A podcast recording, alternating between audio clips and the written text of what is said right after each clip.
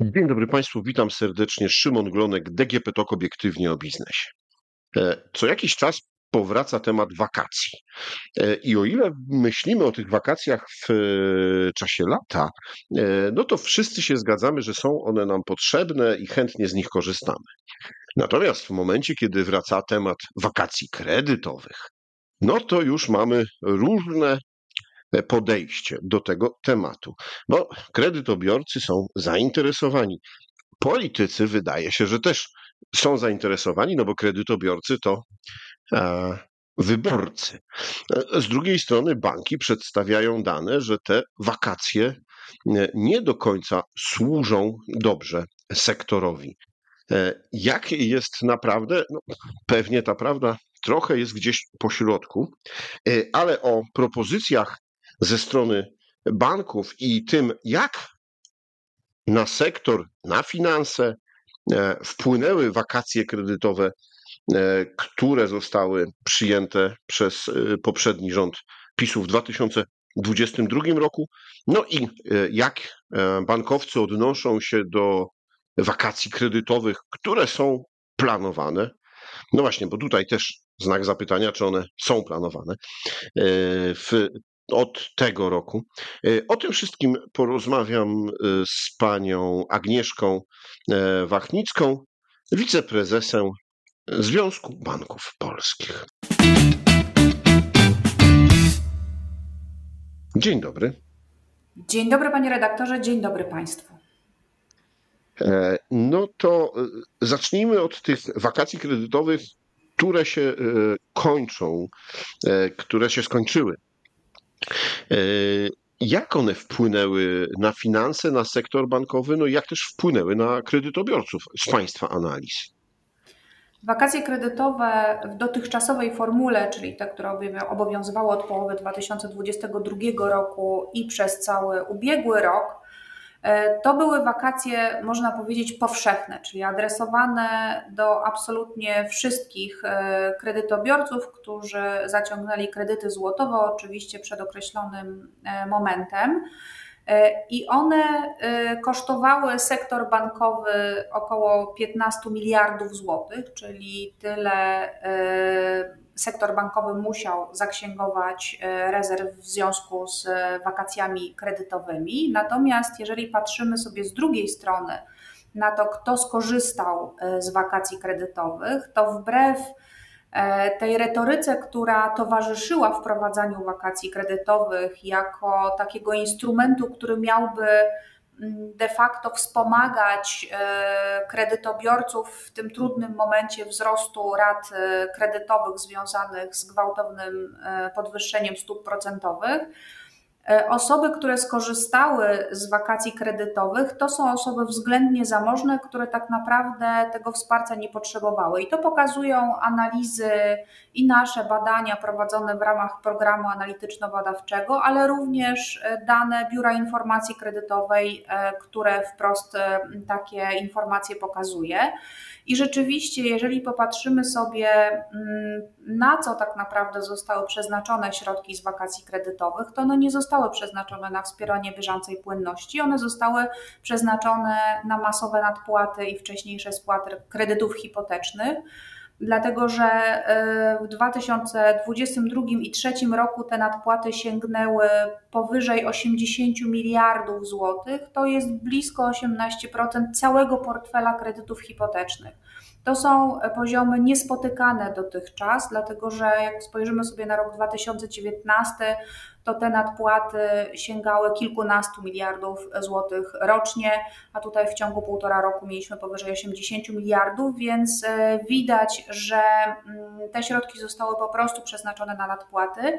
I również z naszych analiz wynika, że jedynie 14% e, kredytobiorców, którzy skorzystali z wakacji kredytowych, to były te osoby, które borykały się z trudnościami w spłacie rat kredytów. Innymi słowy, był to mechanizm. Pani prezes, ja tutaj wejdę w słowo, bo tak. Pani powiedziała jedynie 14%, ale gdyby te 14% kredytobiorców z jakiegoś powodu stało się niewypłacalnymi, no to nagle w raportach banków e, byłoby 14% e, kredytów obarczonych dużym ryzykiem, 14, wzrost o 14% kredytów trudno spłacalnych. To jednak jest spora liczba.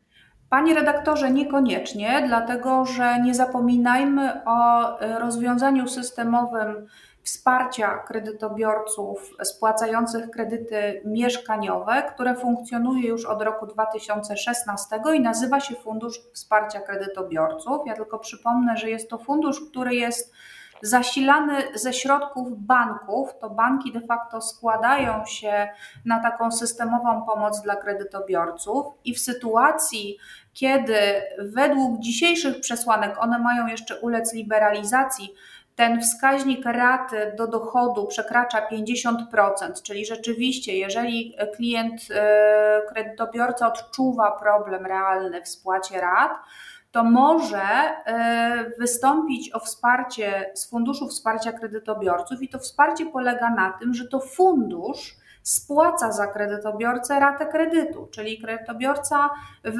najlepszej, e, jakby w najbardziej optymalnych e, okolicznościach nie spłaca nic miesięcznie przez okres maksymalnie 36 miesięcy. I to jest realne systemowe odciążenie budżetu raczej niż możliwość zawieszenia jednej raty w kwartale, bo e, osoba, która zawiesi tę jedną ratę przez kolejne miesiące dalej boryka się z problemami w spłacie.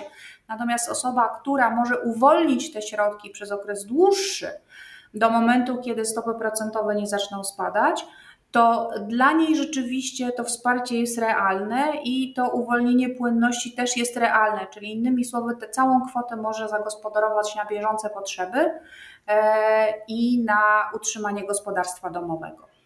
No, ale to wydaje się, że to rozwiązanie wakacji kredytowych dla banków też było lepsze, no bo wyobraźmy sobie, e, że e, to jest tylko jedna rata w kwartale, która jest i tak przesunięta. To nie jest tak, że bank musi złożyć się z innymi bankami i zapłacić za swojego klienta, e, jak w przypadku właśnie tego mm, systemowego rozwiązania, o którym pani mówi. Więc dla banków, no to chyba lepiej, jeśli klient i tak musi spłacić, tylko po prostu przesuwa się to o jakiś tam okres. Panie redaktorze, pozornie mogłoby się tak wydawać, ale problem polega po pierwsze na tym, że jak pewnie pan redaktor zauważył, Koszty wakacji kredytowych zgodnie z zasadami raportowania zostały zaksięgowane od razu, czyli e, ten koszt sięgnął około 15 miliardów złotych e, tu i teraz. E, I rzeczywiście banki, no, o, oczywiście te środki, te raty zostaną zapłacone, ale pamiętajmy, że one nie do końca zostaną zapłacone w tej samej wysokości, ponieważ przesunięcie na koniec okresu spłaty powoduje, że ten koszt odsetkowy będzie inny. Natomiast jeżeli chodzi o Fundusz Wsparcia Kredytobiorców, to on jest i te środki w funduszu są. One tak czy inaczej, y, fundusz jest zasilany, zasilony środkami E, do określonego poziomu i e, w przypadku jego szerszego wykorzystania banki musiałyby znowuż te środki dołożyć do funduszu, na co oczywiście również jako sektor jesteśmy gotowi, gdyby zdecydowano się zrezygnować z wakacji kredytowych. Ale y, dlaczego mówię, że wsparcie z funduszu jest lepsze, y, tak dla banków, jak i dla kredytobiorców, ponieważ ono oczywiście ma charakter zwrotny, czyli kredytobiorca te, te środki będzie zwracał, ale dla kredytobiorcy jest to o tyle korzystne, że będzie je zwracał w ratach nieoprocentowanych, a dodatkowo część tego wsparcia mm, e, do zwrotu można umorzyć, czyli to już jest znowu realna korzyść dla kredytobiorcy, ale to jest e, taki mechanizm, który mm, pozwala na zachowanie pewnej e, systematyczności płatniczej i pozwala również na pewne spójne, a nie ad hocowe rozwiązanie długoterminowe. Dlatego uważamy, że to rozwiązanie trzeba wspierać niezależnie od okoliczności. Dzisiaj mamy sytuację taką, że stopy procentowe są stosunkowo wysokie, ale spodziewamy się, że w niedługim okresie będą się obniżać i dalej Fundusz Wsparcia Kredytobiorców powinien być tym mechanizmem, który będzie kredytobiorców wspierał w trudnej sytuacji, niezależnie od sytuacji ekonomicznej e, w kraju. E,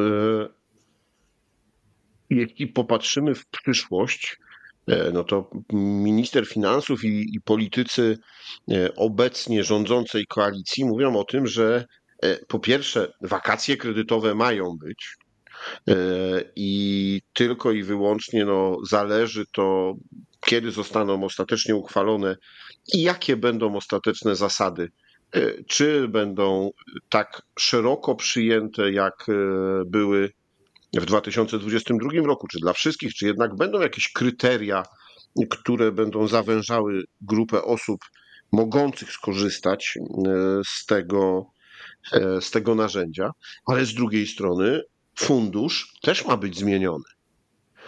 Jak Państwo się na to zapatrujecie? E, panie redaktorze, niezmiennie stoimy na stanowisku, że wakacje kredytowe nie powinny być przedłużane w żadnej formule, właśnie na korzyść e, uelastycznienia i zliberalizowania przesłanek dostępu do wsparcia z Funduszu Wsparcia Kredytobiorców, jako właśnie tego rozwiązania systemowego. Natomiast e, no, wydaje mi się, że to jaki będzie i czy, czy wakacje kredytowe zostaną przedłużone i jaki będzie ich kształt, jest w dużej mierze mm, decyzją dziś polityczną, a nie ekonomiczną, bo jeżeli byśmy podejmowali decyzje na podstawie przesłanek merytorycznych, ekonomicznych, to według dzisiaj przedstawionej przez nas analizy, która jest również dostępna E, publicznie wyraźnie widać, że e, to po stronie kredytobiorcy jest ta korzyść e, właśnie większa z Funduszu Wsparcia Kredytobiorców jako takiego wsparcia systemowego. Natomiast mamy świadomość tego, że pewne decyzje mają charakter polityczny i że pomimo braku argumentów, czy też niewystarczających argumentów merytorycznych, wakacje kredytowe w jakiejś formule zostaną e, przedłużone. To w jakiej oczywiście też zależy, no musimy sobie odpowiedzieć na pytanie, czy one mają być powszechne, czyli dla wszystkich, czy tylko dla osób, które rzeczywiście mają problemy ze spłatą kredytów z obiektywnych przesłanek wynikających z sytuacji mm, ekonomicznej i e, z wysokich stóp procentowych. Jeżeli ta druga opcja, to oczywiście powinny być to wakacje kredytowe z pewnymi ograniczeniami. My również dostarczaliśmy e, takich danych, analiz i wyliczeń, e, jak ewentualnie te ograniczenia e, mogłyby i powinny się kształtować tak, aby ten system był jak najsprawiedliwszy. Przypomnijmy, pierwsze wakacje kredytowe to ponad 15 miliardów złotych kosztu dla banków. Tak. Zgadza się. Czy w wariantach, które dzisiaj są rozpatrywane, jak Państwo szacujecie te koszty?